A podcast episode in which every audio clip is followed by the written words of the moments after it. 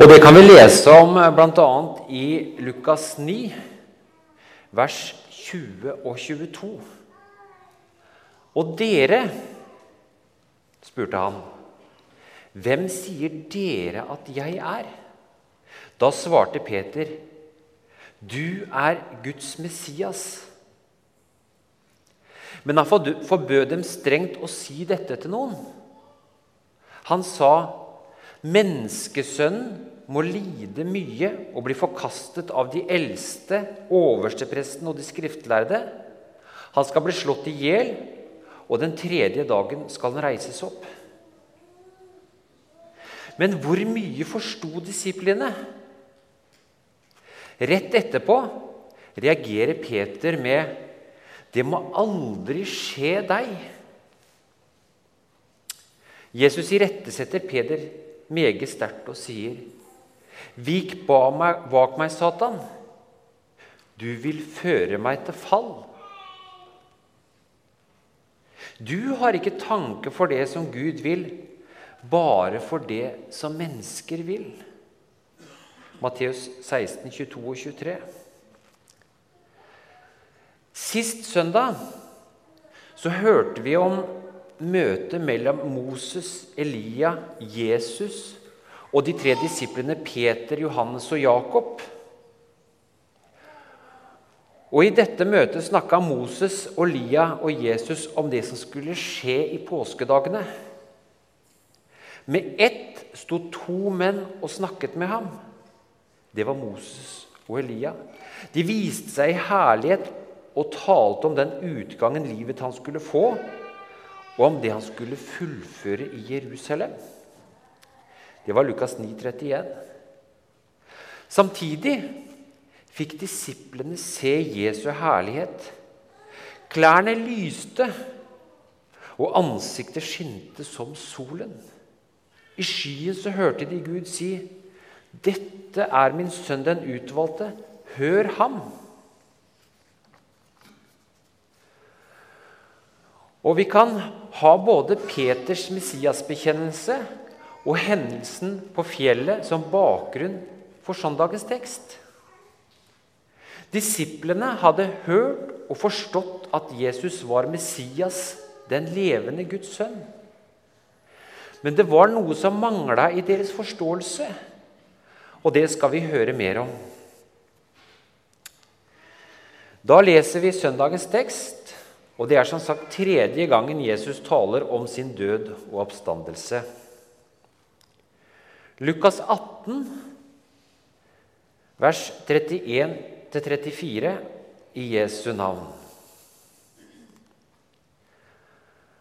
Han tok de tolv til side og sa til dem.: Se, vi går opp til Jerusalem, og alt det som profeten har skrevet om menneskesønnen, skal gå i oppfyllelse.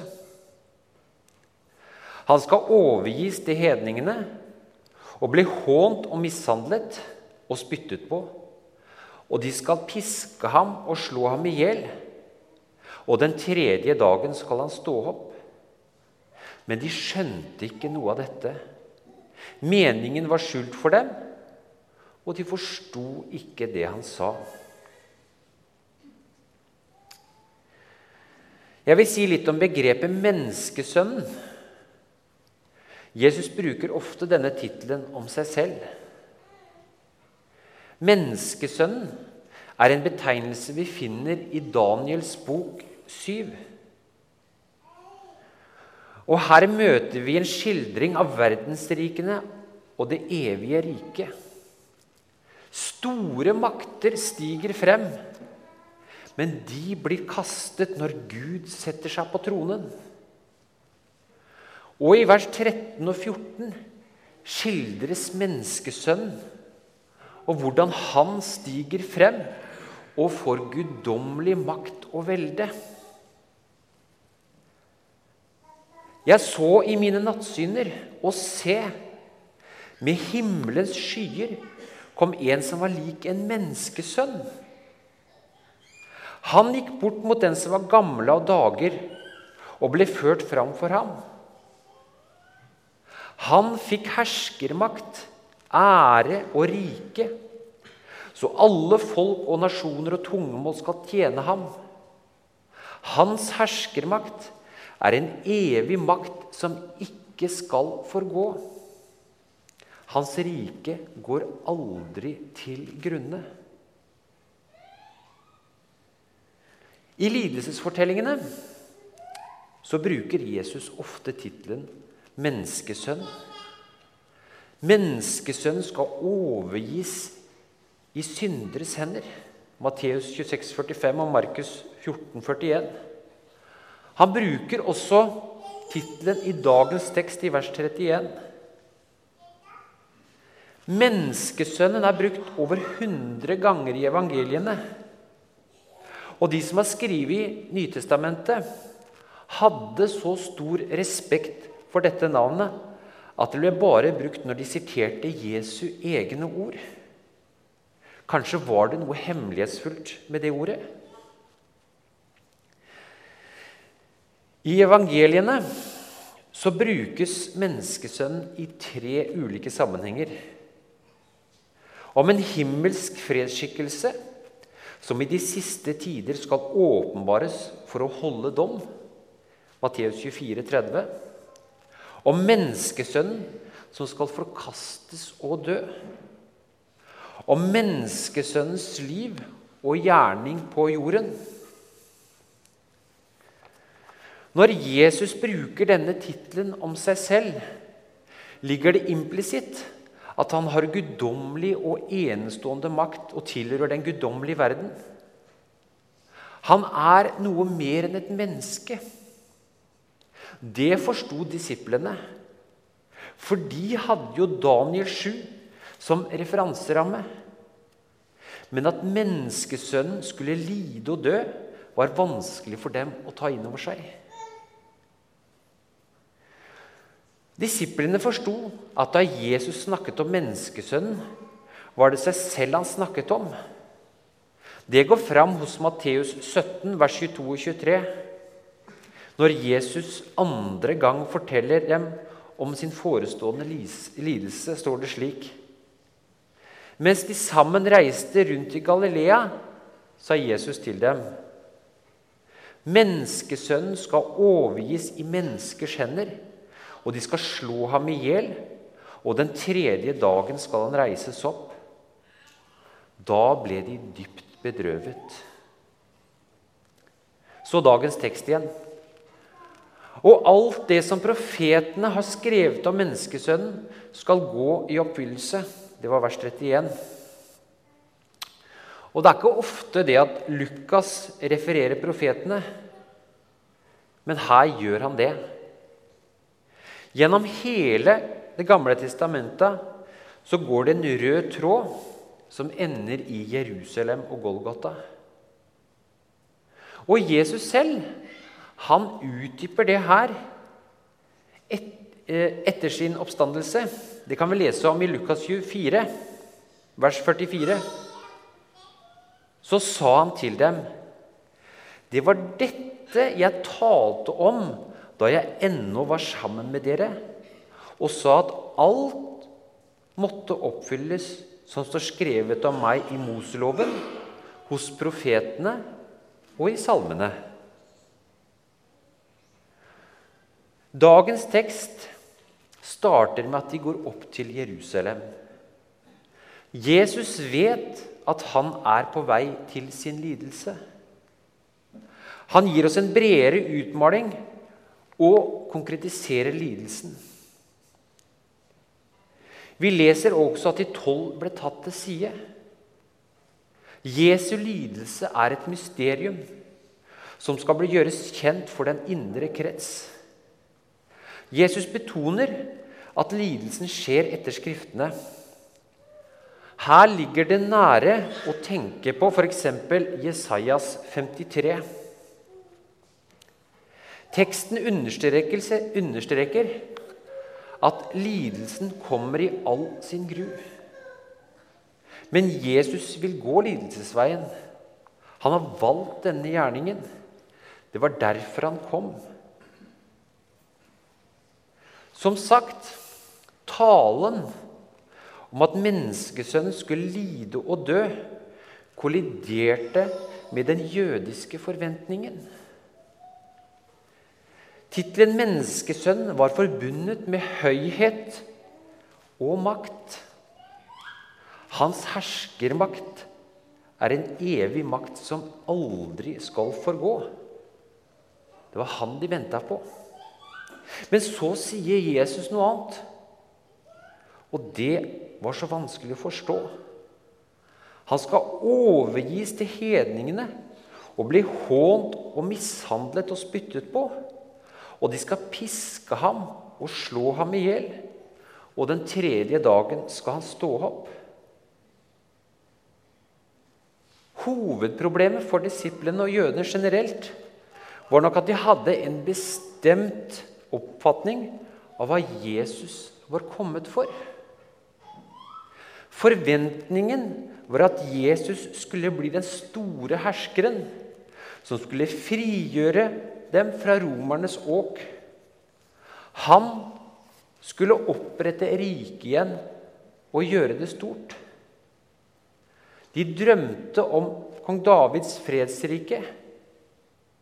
Og det var meget vanskelig å komme til rette med den lidende Messias. Både Messias og menneskesønnen var titler som disiplene forbandt med makt, høyhet og utfrielse. Det gamle testamentet var jo deres bibel. Der står det mye om Messias. Messias betyr den som er salvet til konge. Lidelsesfortellingen om Herrens tjener i Jesaja 53 går sammen i menneskesønntittelen slik Jesus bruker den. Tittelen Jesus bruker om seg selv, rommer altså begge disse aspekter. Høyhet og ringhet guddommelighet og menneskelighet. Vi kan, vi kan i tittelen ane noe av det paradoksale, dobbeltheten i Jesu person. Jesaja 53. Hvem trodde budskapet vi fikk? Hvem ble Herrens arm åpenbart for? Han skjøt opp som en spire for hans ansikt, som et rotskudd av tørr jord. Han hadde ingen herlig skikkelse vi kunne se på, ikke et utseende vi kunne glede oss over. Han var foraktet, forlatt av mennesker, en mann av smerte, kjent med sykdom, en de skjuler ansiktet for. Han var foraktet, vi regnet ham ikke for noe. Sannelig, våre sykdommer tok han, våre smerter bar han. Vi tenkte han er rammet, slått av Gud og plaget. Men han ble såret for våre lovbrudd, knust for våre synder. Straffen lå på ham. Vi fikk fred. Ved hans sår ble vi helbredet. Vi gikk oss alle vill som sauer. Hver tok sin egen vei. Men skylden som vi alle hadde, lot Herren ramme ham. Han ble mishandlet, han ble plaget, og han åpnet ikke munnen, lik et lam som føres bort for å slaktes, lik en sau som tier når den klippes, og han åpnet ikke munnen. Og nå I vers 8 så kommer vi til et vers som er så på kornet til dagens tekst. Etter fengsel og dom ble han tatt bort. Men hvem i hans tid tenkte på at han ble utryddet av de levendes land fordi mitt folks lovbrudd rammet ham? Og tenk på det. Det her er skrevet eh, omtrent 700 år før dagens tekst. Så langt i Jesaja. At vi hører et budskap, betyr, ikke at vi forstår den egentlige betydningen. Jesus hadde tre ganger fortalt disiplene at han skulle dø og oppstå på den tredje dag. Teksten i dag forutsier at Jesus skal plages og drepes. Men vi må ikke glemme at Jesus alltid tar med at han skal stå opp igjen når han taler om sin lidelse og død. Dag etter dag, gjennom tre år, hadde disiplene vandret med Jesus og sett hva han hadde gjort, og hørt hva han hadde sagt. Vi kan kanskje undre oss over at disiplene ikke hadde forstått det Jesus sa. I vers 34 poengteres det tre ganger at disiplene ikke forsto. Men de skjønte ikke noe av dette. Meningen var skjult for dem, og de forsto ikke det han sa. Vi bør ikke tenke at det var motvilje eller vrangvilje som gjorde at disiplene ikke forsto. De ventet jo så inderlig på utfrielse. De to disiplene som var på vei til Emaus på påske da, tenkte også i de baner. De sier, 'Vi trodde det var han som skulle forløse Israel, men' De forsto ikke det som hadde hendt, før Jesus fikk forklart grundig for dem og utla alt det som sto om ham i, Skriftene, helt fra Moses av og hos alle profetene. Og du verden for en reaksjon det skapte. De to disiplene sprang tilbake til Jerusalem for å fortelle det de hadde opplevd, til de andre disiplene. Først da alt det Jesus hadde sagt, gikk i oppfyllelse, begynte disiplene å forstå. Da huska de hva han hadde sagt. Vi bør ikke bebreide disiplene. De hadde sin overleverte teologi, sine fastgrodde tradisjoner, som stengte for klarsynete av lidelsens nødvendighet. De hadde sine ofringer. På den store forsoningsdagen gikk øverstepresten inn i det aller helligste og ofret for sine og folkets synder. Men de forsto ikke at alle ofringene var noe foreløpig. At Jesus var det fullgode offerlam, forsto de etter hvert. Og i dag så er det vi som må prøve å forstå det Jesus sier. Greier vi å holde sammen Daniel 7 og Jesaja 53? Det paradoksale ved Jesu person. Høyhet og ringhet.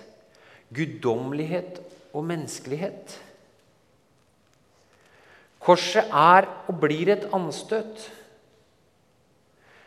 For de selvbevisste menneskene er det ingen god nyhet at Jesus måtte dø for syndene i livet deres. Den tanken vil de ha seg frabedt. Og vi som menighet må kjempe med dette. Kristus står fortsatt fram i verden som et anstøt og en dårskap. Det er Guds rikes hemmelighet. Det er et paradoks at menneskesønnen som en gang skal komme på himmelens skyer, måtte utgis til hedningene til spott og pine. Men det var gjennom sin død og oppstandelse han kunne legge grunnen for et nytt liv og et nytt folk. Et folk som dødsrikets porter aldri skal få makt over. Se, vi går opp til Jerusalem. Vi bør fylle vår bevissthet med hva det kostet Jesus å frelse oss.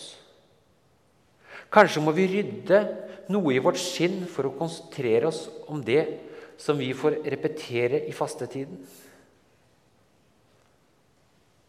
Og så kan vi takke for at Jesus beseiret synden og djevelen da han døde på korset. Og han sto opp igjen. Vi kan holde fast ved at hans seier er blitt vår seier. I fastetiden så skal vi følge menneskesønnen som den lidende tjener. Og så kan vi i fortsettelsen se fram mot at han skal komme igjen som seierherre. Ja, kjære trofaste Far. Ber om at vi alle sammen må få se det, deg og hvem du er, og at alle vi kan ha en forventning til at du skal komme igjen. Må du velsigne ordet og la det komme inn i hjertene våre og livet våre. Det ber vi om i Jesu navn. Amen.